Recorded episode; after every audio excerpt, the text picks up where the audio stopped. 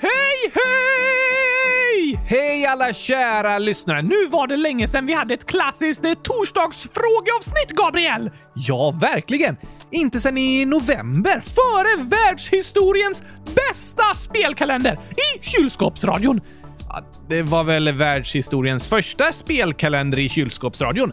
Eh, men visst, därför var den bäst. Såklart. Men idag är det dags för ett gurk qa avsnitt Stavat med Q&A. Precis, gurka! Men galna, utvecklande, roliga questions and answers. Det blir förkortningen GURKA. Questions and answers betyder frågor och svar. Precis. Q&A används ofta som förkortning på hemsidor och i videor och sådär och betyder frågor och svar. Ibland på hemsidor kan det stå FAQ som betyder Frequently Asked Questions. Vanliga frågor! Precis. Där kan ni hitta svar på frågor som ofta ställs på den hemsidan liksom. I kylskåpsradion är Frequently Asked Questions, alltså vanliga frågor, om jag gillar olika sorters gurkor. Ja, det är vanligt. Och hur gamla vi är. Just det. Och så är det många som frågar om jag kan busringa dig igen. Om du kan vara... Äh, men, eh, om jag kan eh, busplinga på dig. Nu gör jag det här med fingret. Pling plong! Eh, vi lägger på en ljudeffekt också. Igen. Pling plong! Så tokigt! Bra förslag. Tack allihopa! Är det många lyssnare som har föreslagit det där? Ja, jättemånga! Busplinga! Det var precis det jag sa. Inget annat eller så. Nej, okej, Okay, ja, det låter väl bra då. Men förresten så vill jag be lite om ursäkt för att det här avsnittet publiceras eh, lite sent idag. Det är nämligen så att vi varit på resande fot under dagen. Nej, inte jag! Jo, vi har rest tillsammans, fast inte på en fot! Jag kan inte röra på mina fötter. Nej, just det. Så just uttrycket “på resande fot” passar inte så bra för dig, Oskar. Men vi har rest hem till Sverige idag. Hem? Fast det är ju inte här vi bor just nu! Det har du rätt i. Eftersom jag studerar på ett universitet i Barcelona så bor ju vi i en lägenhet där för tillfället. Men det känns ändå som att komma hem. Varför det? Ja, bra fråga. Så jag har ju bott större delen av mitt liv i Borås i typ 25 år. Så det är den staden jag känner till bäst och där jag känner mig som hemma. Ah, Okej! Och så bor ju mina föräldrar och större delen av min familj här och många av mina kompisar. Och jag tror ofta det är människor som får oss att känna oss som hemma. Människor är väl inte ett hus? Nej, det är de inte. Bor du inuti dina kompisar? Låter lite läskigt och inte så snällt mot dem. Eh, jag, jag har inte flyttat in i magen på någon av mina kompisar, Oskar. Jag menar att när vi är tillsammans med människor vi älskar och vi känner oss trygga och älskade så kan vi lättare känna oss som hemma. Ah, du menar så? Så även om en, eh, en familj till exempel flyttar så kan de ofta snabbt känna sig som hemma i en ny lägenhet eller ett nytt hus för att de delar det med människor som får dem att känna sig som hemma. Det har du rätt i! Men det där med att flytta kan vara lite klurigt. Det kan ta ett tag att liksom hitta hem i en ny stad och på en ny plats och på en ny skola och så. Känner du dig som hemma i Barcelona? Ja, det känns också som hemma. Jag känner till den platsen rätt så väl, men ändå inte lika mycket hemma som i Borås. Varför inte? Hmm, ja, mycket beror nog på att jag inte har min familj och mina gamla nära vänner i Barcelona. Och så är det ju andra språk och en annan kultur och så än jag är van vid. Och det kan ta ett tag att bygga upp djupa relationer och hitta nära vänner, särskilt för vuxna. Barn kan ofta vara bättre på att hitta nya vänner än vuxna är. Det håller jag med om. Det är något barn ofta är duktiga på. Som vuxen kan det vara lite svårare. Det finns så mycket som ni vuxna kan lära er från oss barn. Ja, absolut. Det är väldigt sant. Men eftersom jag precis har avslutat eh, höstterminen i skolan så har jag lite lov nu innan vårterminen börjar i februari. Därför ska det bli fint att få vara hemma ett tag. Jag hänger också på! Ja, det är du. Det är därför dagens avsnitt tyvärr är lite försenat för att vi började spela in efter att vi kommit fram. Det är väldigt skönt att vara framme. Det var så trångt där i resväskan! ja, det kan jag tänka mig. Du hade väl inte behövt tränga ner mig bland så mycket kläder, Gabriel? Kan du ge mig lite mer plats nästa gång är du snäll? Helst en egen kylväska att resa i. Ja, eh, sorry Oskar. Jag förstår att det var trångt i den väskan. Jag kunde inte ens ha på mig benen! Nej, eh, när jag packar ner dig i en väska så brukar jag ta av benen så blir det lättare att packa. Fruktansvärt! Ja, det, det låter ju lite hemskt, fast det är ju bara att knäppa fast benen sen igen. Det har du rätt i! Jag är verkligen klurifaxig. Väldigt. Men på tal om att eh, komma hem, Oskar. Var känner du dig som hemma? Mm, jag känner mig också som hemma när jag är på samma plats som personer jag älskar. Ja, det förstår jag. Därför spelar det ingen roll var i världen vi är någonstans. Jag känner mig alltid som hemma när jag är där tillsammans med mitt kylskåp. Ah, ditt kylskåp? Ja, ja, ja, ja tack! Ah, ja. För en sekund där trodde jag nästan att det var mig du pratade om. Ah, jo, ja, det är ju också sant. Utan dig har jag trots allt ingen röst. Men det är inget som ger mig så mycket hemkänslor som mitt kylskåp. Vilken lägenhet vi än bor i så lägger jag mig där för att sova och känner mig trygg och kan sova i ro och frid. Det låter ju härligt. Verkligen som ett hem. Ja, tack! Sen känner jag mig också som hemma i kylskåpsradion med världens bästa lyssnare. Det gör jag också. Spelar ingen roll var vi är. Lyssnarna finns alltid med och vi kan spela in avsnitt och vara tillsammans med dem. Precis. Vi har faktiskt spelat in avsnitt på så många olika platser. Ni som lyssnar ser ju inte var vi sitter eller står när vi spelar in, men det har varit på otroligt många olika ställen. Om ni lyssnar på flera avsnitt efter varandra kan ni nog höra att akustiken är lite olika i olika rum liksom, beroende på var vi är och spelar in. Du menar att ljudet studsar och sådär ibland? Precis. Under det senaste halvåret har nästan alla avsnitt spelats in hemma i vår lägenhet, där vi har typ som en inspelningsstudio och hänger upp ett täcke ovanför oss för att det ska bli så mjukt och bra ljud som möjligt. Men idag sitter vi i källaren hemma hos mina föräldrar. Vilken är den tokigaste inspelningsplatsen för kylskåpsradion? Hmm, bra fråga. Det är flera gånger som vi har stått inne i en garderob och spelat in när vi varit iväg någonstans. I en garderob! ja, bland lite kläder och så. Där blir det ofta bättre ljud än i ett rum med kala väggar. Ah, men det kan också bli väldigt varmt, särskilt på sommaren. Sen var det väldigt tokigt en gång när vi hade lite semester, men vi spelade in liksom starten på ett best of-avsnitt när vi klippte ihop lite favoriter och sånt. Precis. Och den starten spelade vi in i bakluckan på mina föräldrars bil. I bakluckan? ja, eller ja, baksätena var nedfällda, så det var liksom i bakre delen av bilen. Vi hade en portabel mikrofon med batterier, så vi behövde ingen elektricitet eller så, utan satte oss i bilen och spelade in. Det rullade på! ja, det kan vi säga. Fast som tur var stod bilen still. Ah, okej. Okay. Men eh, nog om var vi sitter och spelar in någonstans. Nu är det dags att sätta på gur qa gingen och börja svara på lyssnarnas frågor. Ja, ja, ja, ja, ja, tack! Gurk-Q&A-jingeln är liksom den första jingeln vi hade i podden. Innan Gurka-gingen. Precis. Det var många som tyckte om den och att vi skulle ha kvar den på något sätt, så nu använder vi båda två i olika avsnitt. Perfekt! Väldigt fint faktiskt. Då kör vi igång!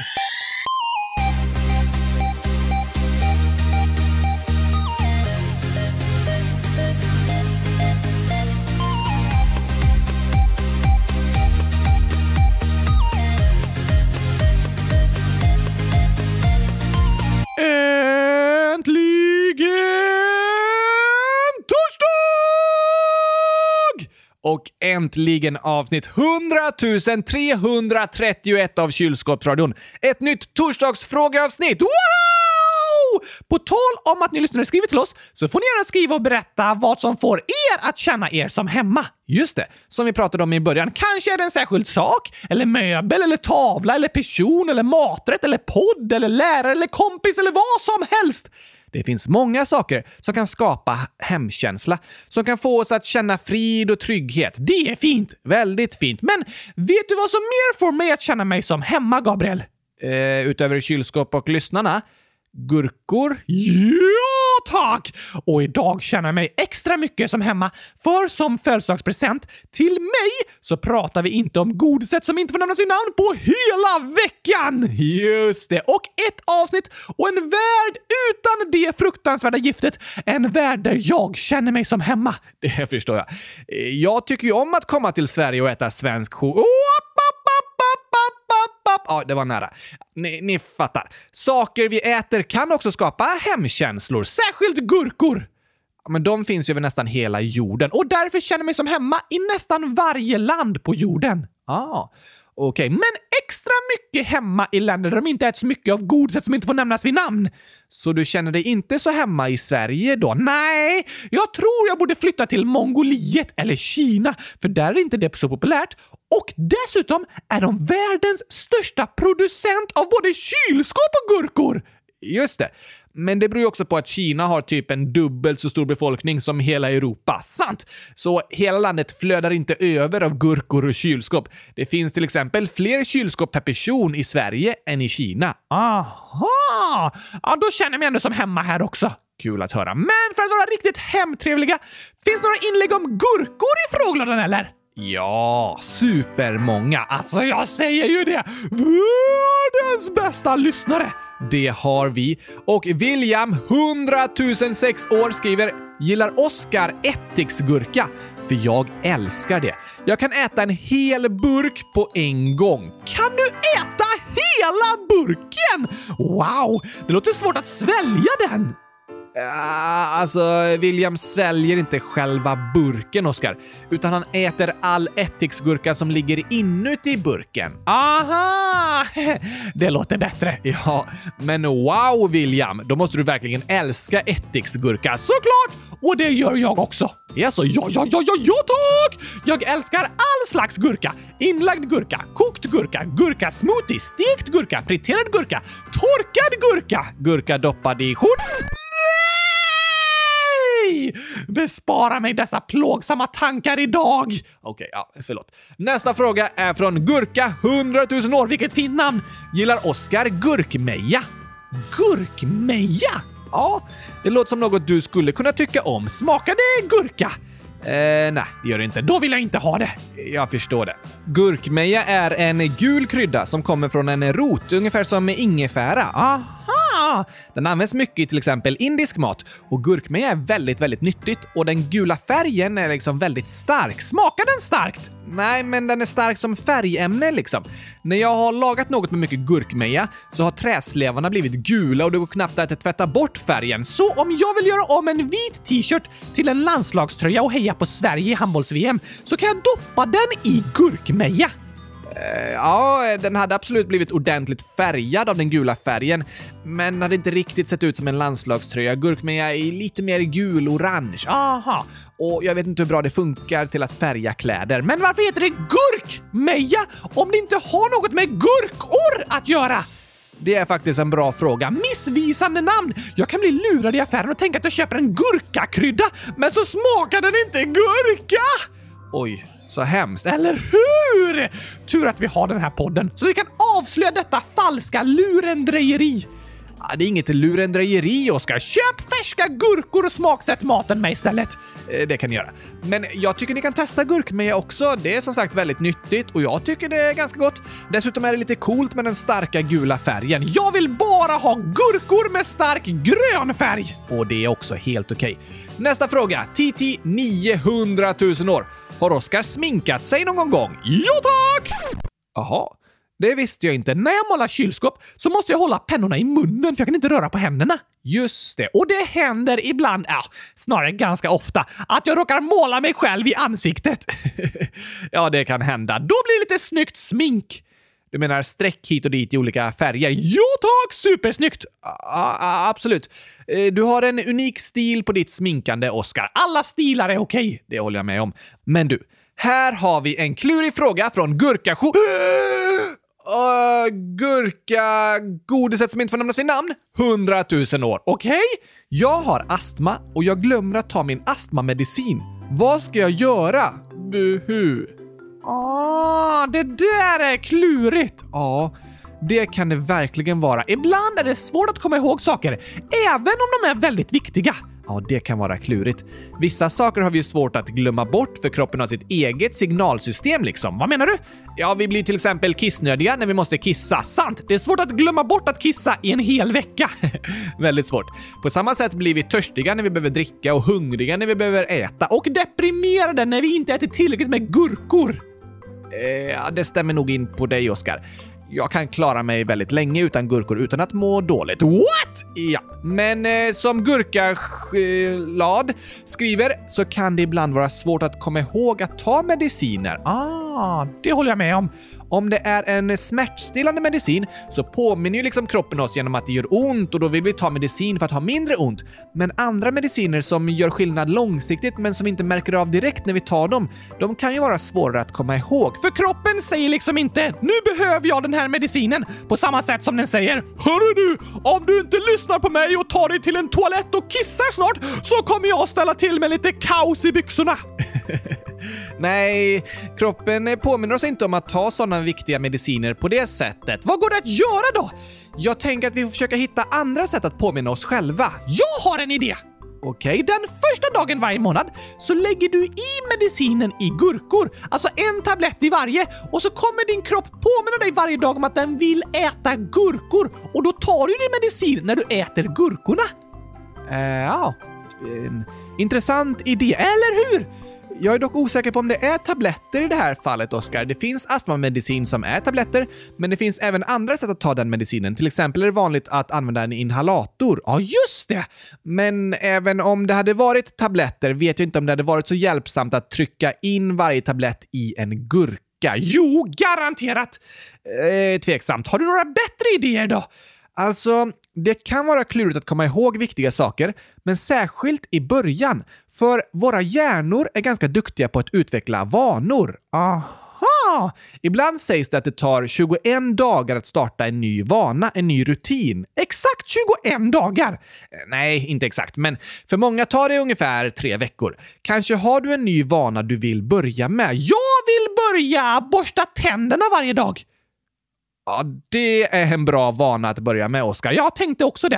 Eh, då kommer det liksom vara svårast de första tre veckorna. Då kan du behöva hitta sätt att påminna dig själv och kämpa lite för att skapa den rutinen. Men efter ungefär tre veckor så har kroppen börjat vänja sig vid den nya rutinen och du behöver inte lika många påminnelser, för det är något du kommer ihåg av dig själv liksom. Aha! Jag behöver inte längre några påminnelser om att borsta tänderna på kvällen innan jag går och lägger mig. För det har jag gjort varje dag i 29 år nu, så det är en rutin som kroppen alltid kommer ihåg. Ja, just det! Lite som att eh, börja skolan efter sommarlovet.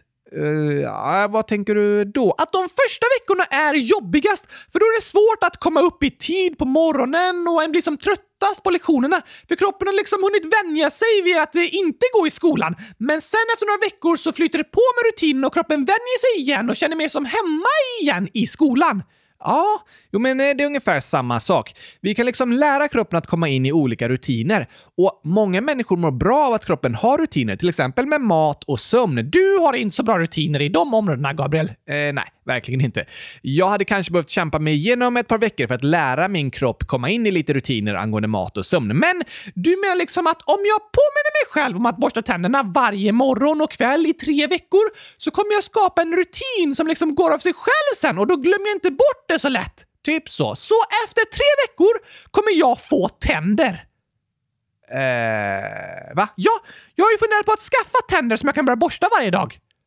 Ah, du menar så. Och nu säger du att om jag borstar i min mun i tre veckor så får jag tänder sen. Coolt! Nej, det var inte riktigt det jag menade. Jag menar att du kan skapa rutiner på tre veckor, inte skapa tänder. Aha! De får du skaffa på något annat sätt, Oskar. Jag hade glömt bort att du inte har tänder. Okej, okay. men angående inlägget om att ta medicin så är det också något vi kan lära kroppen att komma ihåg. Men det är då svårast i början. Just det! Jag tog en särskild medicin varje kväll nästan tio år efter min hjärnskada och i början glömde jag ofta bort den, men efter ett tag så var det en naturlig del av min kvällsrutin rutin.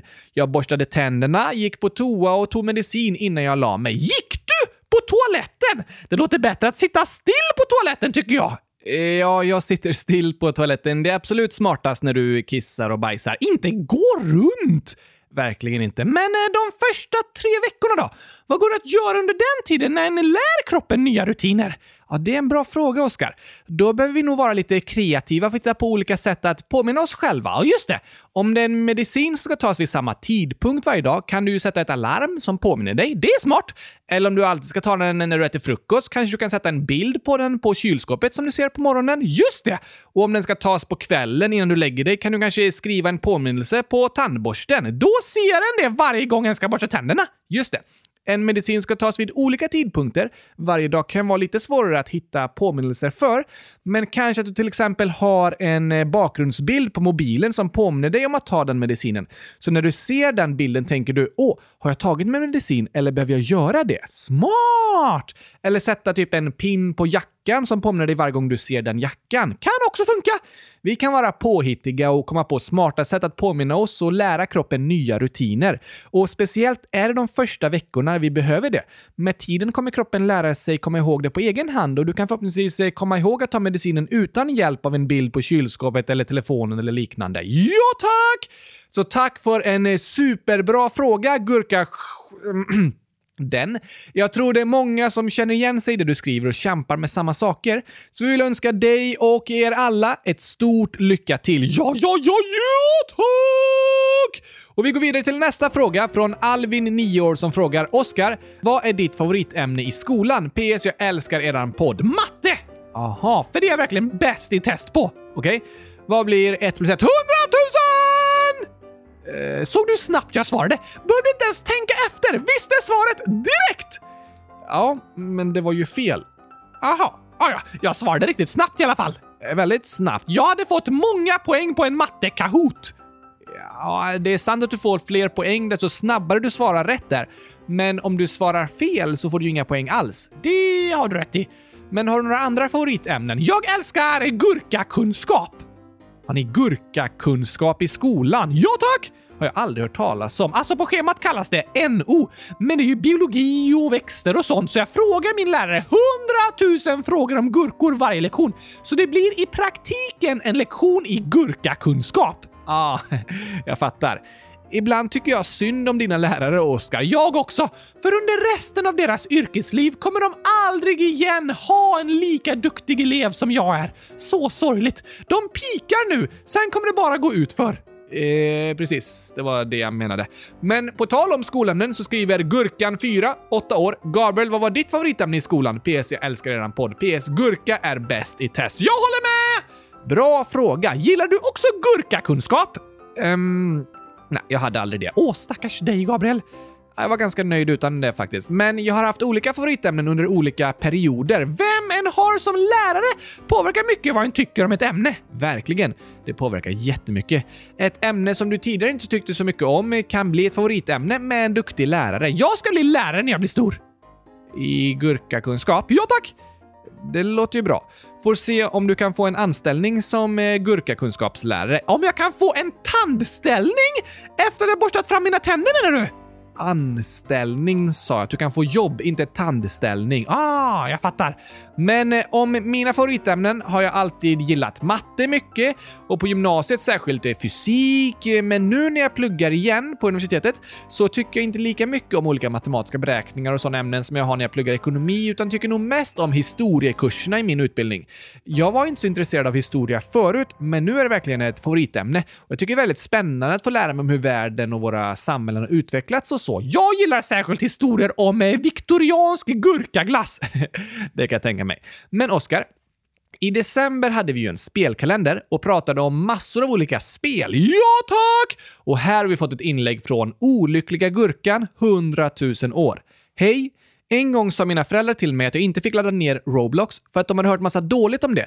Då blev jag förvånad, för jag hade aldrig stött på det när jag spelat Roblox i flera år, så jag laddade ner det i smyg och spelade i smyg.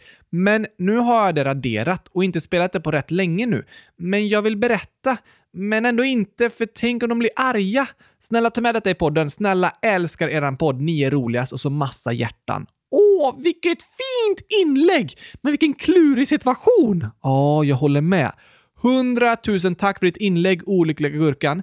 Det var verkligen fint beskrivet och så bra reflekterat över situationen liksom.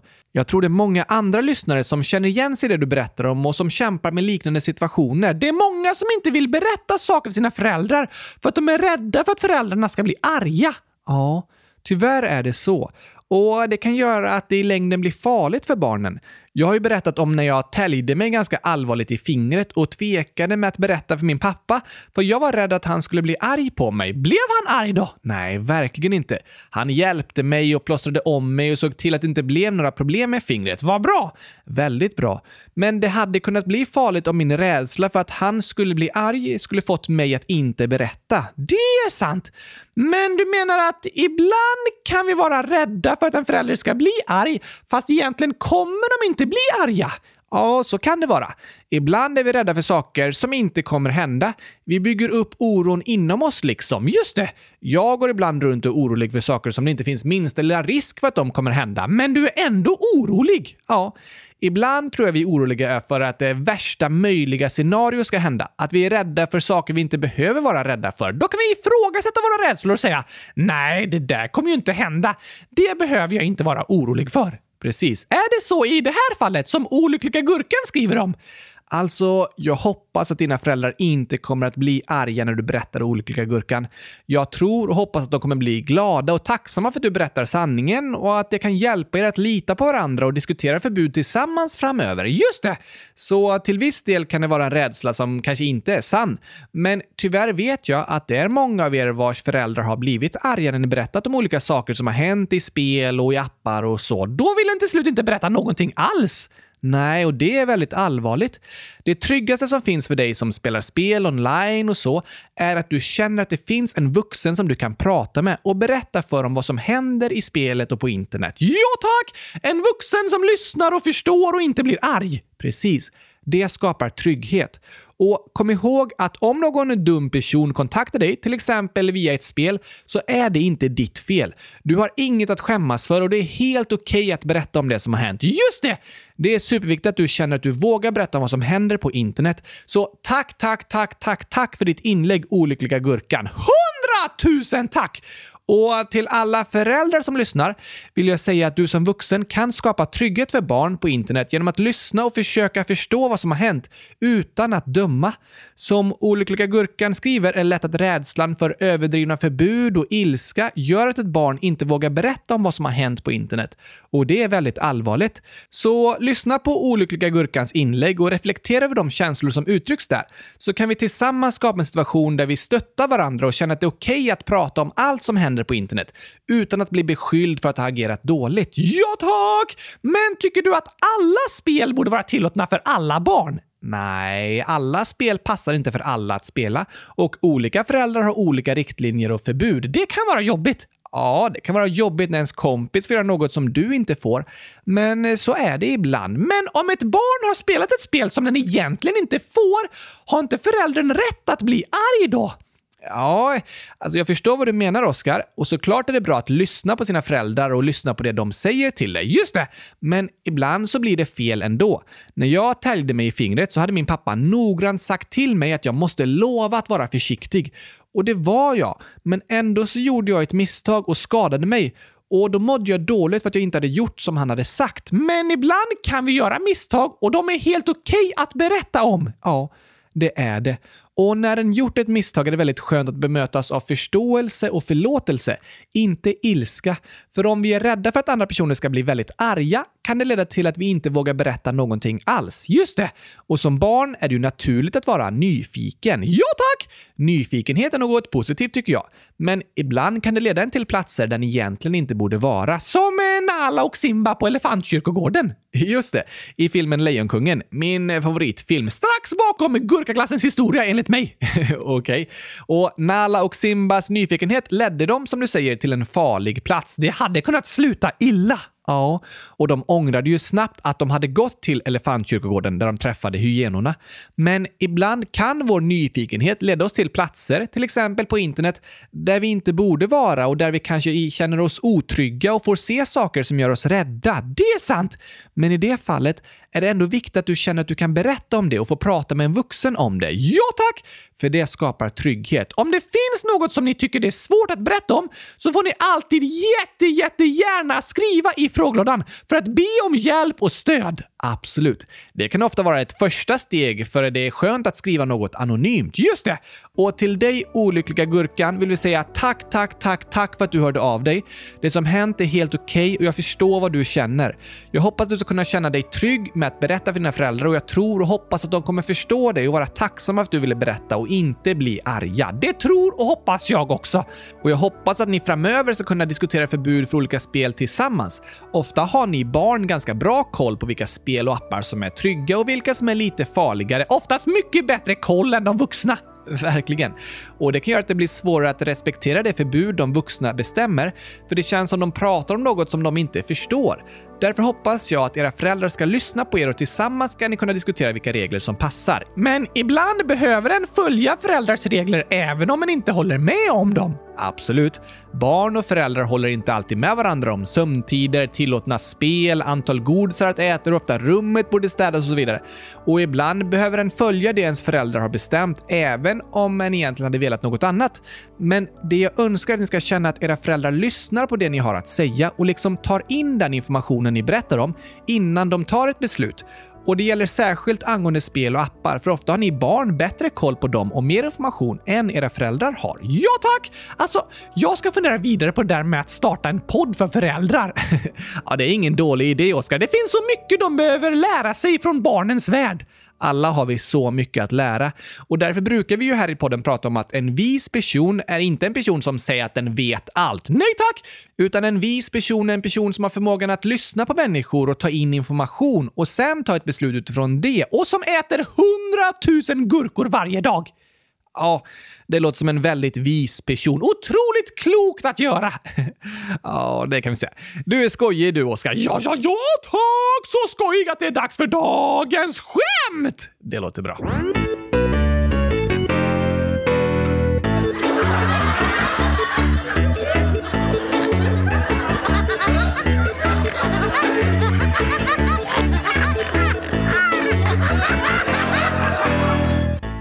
Har världens roligaste lyssnare skrivit för skämt till dagens avsnitt, Gabriel? Jo, Sixten 8, snart 9 år, skriver “Jag fyller år den 3 april”. Det skriver vi upp och kommer ihåg! Yes, men så här står det också. “Jag vill bara skicka ett skämt.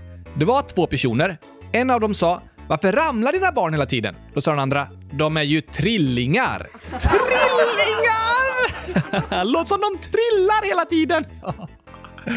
Det låter det verkligen som. Så det går inte att veta om barn är trillingar förrän de är typ ett år? Eh, jo, redan i magen går det ju att veta via ultraljud om det är trillingar och som senast vet du ju när de föds. Hur då? Vad menar du? Du ser ju att det är tre barn som föds samtidigt det är trillingar. Tappar barnmorskan ner dem från bordet? Jag fattar ingenting, Oskar. Ja, hur kan du se att de trillar före de är tillräckligt gamla för att kunna gå och trilla? du menar så. Det dröjer ett par månader tills de är tillräckligt gamla för att stå och trilla och sen ytterligare ett tag tills de kan gå och trilla. Då vet du att de är trillingar. Ja, fast de kallas ju inte trillingar för att de trillar. Det är bara ordvitsen som är så. Ja, just det! De kallas trillingar för att det är tre barn. Ja, ah, sant. Och nästa skämt är skrivet av kylskåpsgurkan snedstreck Molly, 9 år. Det var en gång två tomater som gick på en promenad och behövde gå över en väg. Först gick den ena tomaten över. Sen kom en bil. Då skrek tomaten “Spring!” Men tomaten väntade tills bilen kört över och klarade sig den med. Då sa den andra tomaten “Hallå! Nu förstörde du ju hela skämtet!” Hoppas ni tyckte det var kul. Tack och hej gurkapastej. Det var allt från mig. Jag tyckte i alla fall det var jätteroligt. ja, verkligen. Du förstår ju skämtet! Men tomaten ville kanske inte bli överkörd. Nej, det kan jag ändå förstå. Men nu ingår ju det i skämtet att bli överkörd. Ja, jo, eh, det gör det typ som en teater. Ja, tokig situation är en väldigt tokig variant av historien. Verkligen. Har du ett till skämt? Absolut. En tokig gåta som är skriven av Isak Isak, 100 000 år. Vad sa spiken när den gick sönder? Um, den sa “Nu är jag inte längre spikrak”. Nej, det var den ju inte längre. Men det var fel. Då sa den eh, “Nu är jag en Spikachu!” Kunde den sagt, men också fel. Då vet jag inte. Den sa “Jag är pointless”. Ah! Svängelskt skämt! Ja, det var det. Point kallas eh, spetsen på spiken på engelska, men pointless betyder även meningslös. Så när spiken var trasig och förlorat spetsen så kände den sig meningslös. Jag är pointless! ja, det var en tokig ordvits Isak Isak.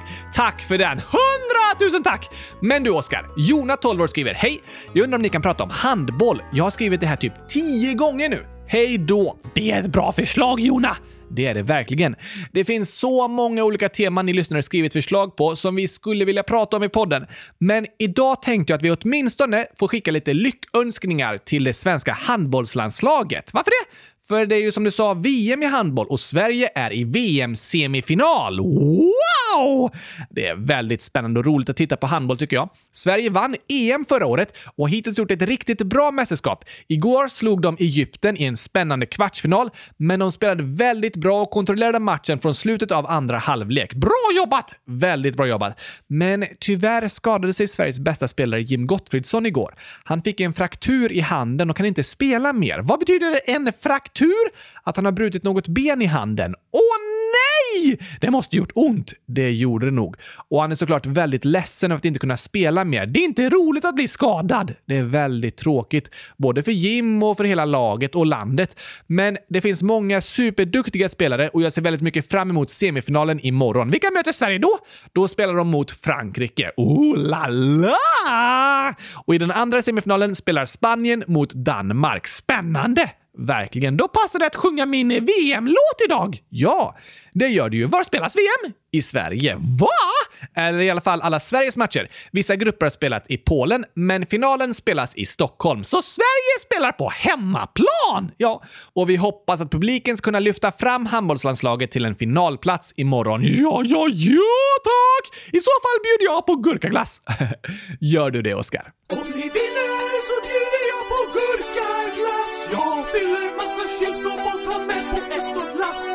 Stockholm! Och jag ser till att alla får så att ni kan göra hundratusen mål. Ni vinner så bjuder jag på gurkaglass. Jag fyller massa kylskåp och tar med på ett stort lass Stockholm! och jag ser till att alla får så att ni kan göra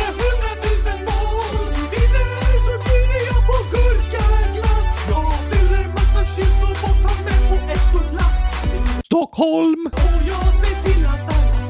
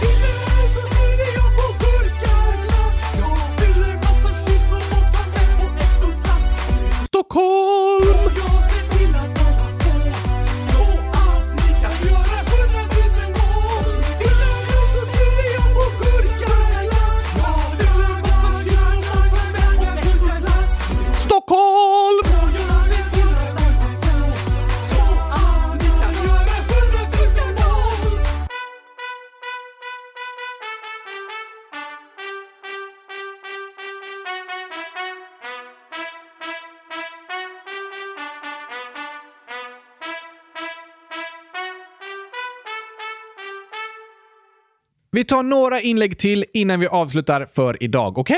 Orolig 100 000 år skriver “Jag undrar om det kommer bli krig i Sverige? För att Rasmus Paludan bränner koraner och att Turkiet och andra mäktiga muslimska länder inte tycker om det och börjar tända eld på svenska flaggan. Snälla svara! Jag behöver ha svar och uppmuntran. Ah, det där har jag hört om! Ja, jag också. Kommer det bli krig? Nej, det finns det inget som tyder på. Oh, skönt! Det som pågår just nu handlar mycket om om Turkiet ska låta Sverige gå med i NATO eller inte. För Turkiet är med i NATO och för att Sverige ska få gå med så måste alla som är med i NATO säga ja till det. Precis, så är det. Och som du säger har det i veckan pratats mycket om hur högerextremisten Paludan tänt eld på en koran, som är den heliga boken inom religionen islam, utanför turkiska ambassaden i Stockholm, för att provocera människor som är muslimer. Tycker de att han uttrycker hat mot de som är muslimer? Ja, det kan man säga. Det är en tydlig provokation med målet att människor ska bli arga. Inte så snällt! Nej, och det är såklart många som har reagerat på det. Särskilt i muslimska länder som har uppmärksammat att den svenska polisen har skyddat koranbränningen. Stöttar den svenska polisen koranbränningen? Nej, det är inte riktigt samma sak. I en demokrati så är det väldigt viktigt med yttrandefrihet och polisens uppdrag är att skydda yttrandefriheten. Just det! Det är okej att kritisera politiker och demonstrera och sånt. Precis.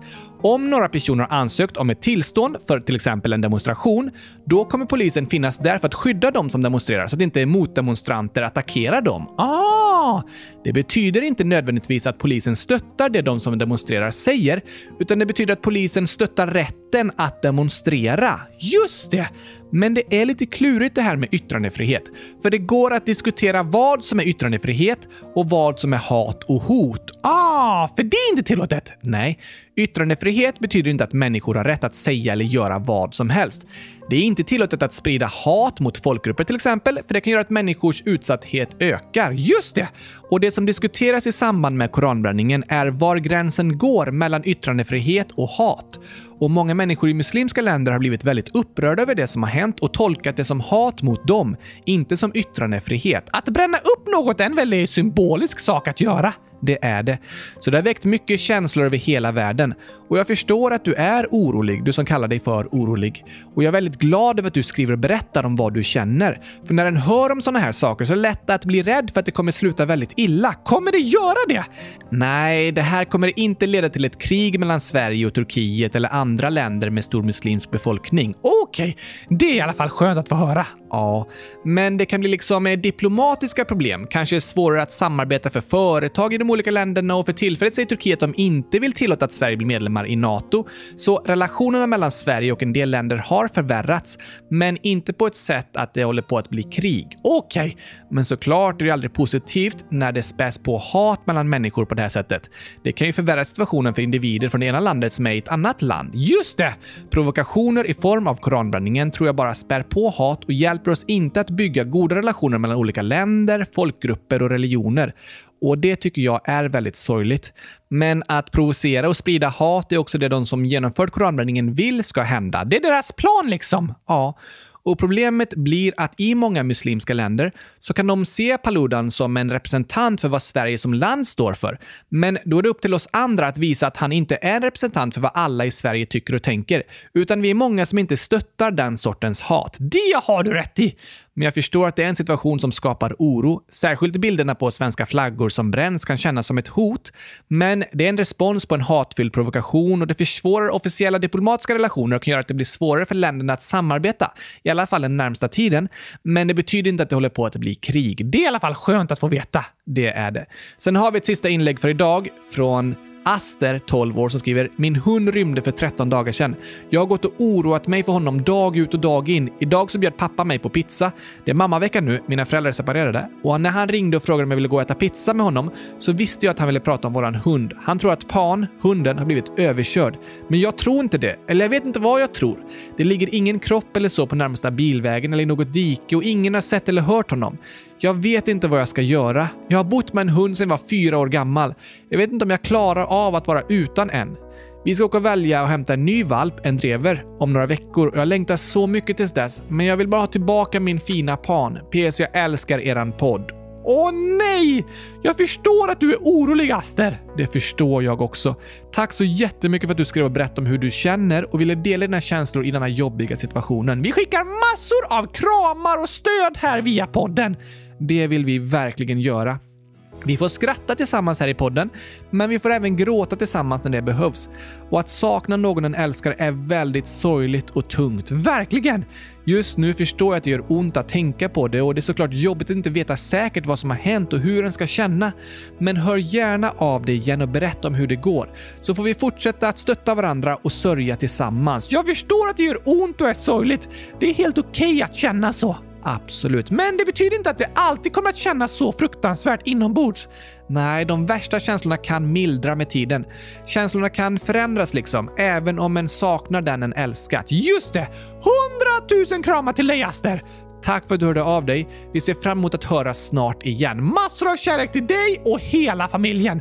Det skickar vi härifrån kylskåpsradion. Men Gabriel, jag har en fråga till som jag vill svara på. Okej, Gurka 9 gånger 10 upp till 34 skriver “Hur gammal är världens äldsta människa?” Oh, bra fråga. För förra veckan dog den som var världens äldsta människa. Hon hette Lucille Randon och bodde i Frankrike. Hon var 118 år gammal. Oj då, nu är istället Maria Branjas Morera från Spanien äldst i världen. Hon ska snart fylla 116 år den fjärde mums, alltså mars. Det är gammalt. Otroligt gammalt! Och hon bor i Katalonien där vi bor. Aha, så det verkar vara ett bra ställe att bo på om du vill bli riktigt gammal, Gabriel. ja, det låter ju så. Men hon föddes i San Francisco i USA för hennes familj hade flyttat dit. Ah, men hon flyttade hem till Katalonien under första världskriget. Då behövde hon åka en extra lång väg med båt för att det streds mycket på haven och så. Ja, det kan jag tänka mig. Sen jobbade hon som sjuksköterska under spanska inbördeskriget och så har hon levt genom andra världskriget, diktaturen under Franco, demokratiseringen och så 2020 fick hon covid, men överlevde det också trots att hon var 113 år gammal. Wow, ett ganska händelserikt liv! Det får jag säga. Spännande ju. Vi kanske kan eh, intervjua henne i podden? Eh, ja, eh, det får ju bli på katalanska då. Jag håller på att plugga det, men vet inte om jag skulle kunna ha en intervju än. Jag kan översätta lite. Eh, låter bra, Oskar. Spännande fakta i alla fall. Otroligt ju. Ja, tack! 116 år. Men nu ska vi ändå avsluta för idag. Hörs igen på måndag! Det gör vi. Men såklart har vi lite födelsedagshälsningar också. Woho! Elton, 12, snart 13 år, skriver “Jag fyller år 27 januari. Kan ni snälla gratta mig på torsdagsavsnittet? Skulle betyda allt för mig. PS. Jag heter Oskar i andra namn.” Wow! Vilket snyggt andra namn! Det var ju superfint Elton också. Absolut. Och skämtklart vill vi gratta dig! 100 000 grattis på födelsedagen! Elton Oskar! Hoppas din 13-årsdag blir bäst i test och att du får äta världens största gurkaglasstårta. Kanske det. Eller något annat gott. Finns inget godare!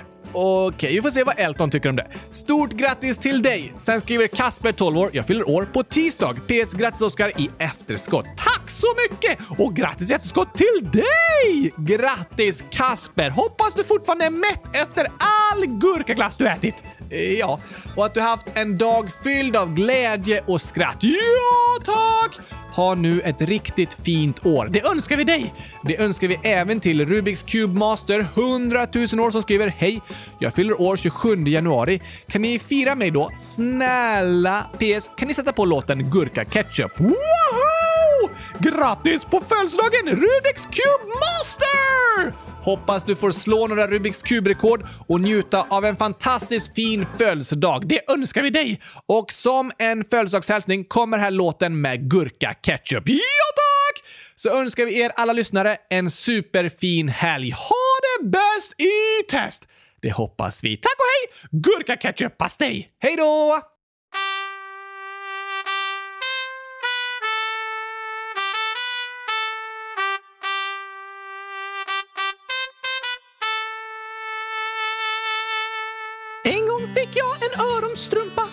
Låtsas julklappspresent. Jag satte den på min ryggsäcksrumpa och sa massa vattniga skämt. Men sen fick jag en glasidé om hur man får en babianstruts att le. Så lyssna på mitt nya tystnadstjut. Jag vill ha gurka ketchup till mitt spaghetti-monster. Fråga Solskens farmor om hon har ett glassflygplan med lite hallongrodor så vi kan fjompa. Lyssna på Hoppa Dompa, spela på ankrumpeten Tills vi helt sturkna flyger hem till kylskåpsplaneten. Och vi flyger hem till kylskåpsplaneten.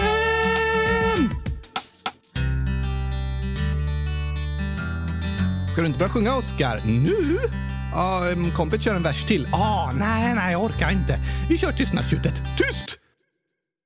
En, två, tre, fyra, åtta, elva, femton, sjutton, tjugo, åttio, femtio, nitton. Hur långt ska du räkna egentligen, Oskar? Till hundratusen såklart! Innan tystnadstjutet kommer igen. Ja, tack. Det är så tråkigt att alla alltid bara orkar räkna till fyra. Okej, men det kommer ta väldigt lång tid. Det tar ännu längre tid om du avbryter mig hela tiden. Ah, det har du rätt i. Kör eh, på då. Uh, 70 000, 60, 18, 19, 30, 40, 20. Jag har gått till alla husen. Nu jag kom till 100 000! Äntligen. Jag vill ha gurka ketchup till min spaghetti monster. Fråga Solskens farmor om hon har ett glassflygplan med lite hallongrodor så vi kan fjompa och lyssna på Hoppa Dompa. Spela på ankrumpeten tills vi helt sturkna flyger hem till kylskåpsplaneten. Oh, bo. Vi ska fjompa, lyssna på Hoppa Dompa. Det här är en sång med knasiga ord om glass, choklad och gurkaketchup på ett bord. Bokstäver i konstiga kombinationer, inget värt att lära sig på skolans lektioner. Kanske tänker du så om allt du säger, det kvittar väl, det är bara knasiga grejer. Men ord har makt, de spelar roll. Kolla bara på alla internettroll med bokstäver placerade i en särskild följd skapar de hat och kaos hemma från sin fåtölj. Vad du säger är viktigt, dina ord gör skillnad och du själv får bestämma vad du skulle vilja att det du säger har för resultat. En kommentar kan skapa både kärlek och hat. Så kom ihåg, dina ord har makt och det är du som bestämmer vad du vill få sagt. Väldigt bra sagt, Oskar. Tack! Jag vet! Det är viktigt att tänka på. Men nu vill jag tillbaka till att sjunga om knasigheter. Jag vill ha gurka ketchup till mitt spaghetti-monster. Fråga Solskens farmor om hon har ett glassflygplan med lite hallongrodor så vi kan fjompa och vi ska lyssna på Hoppa Dompa. Spela på tills vi helt sturkna flyger hem till kylskåpsplaneten.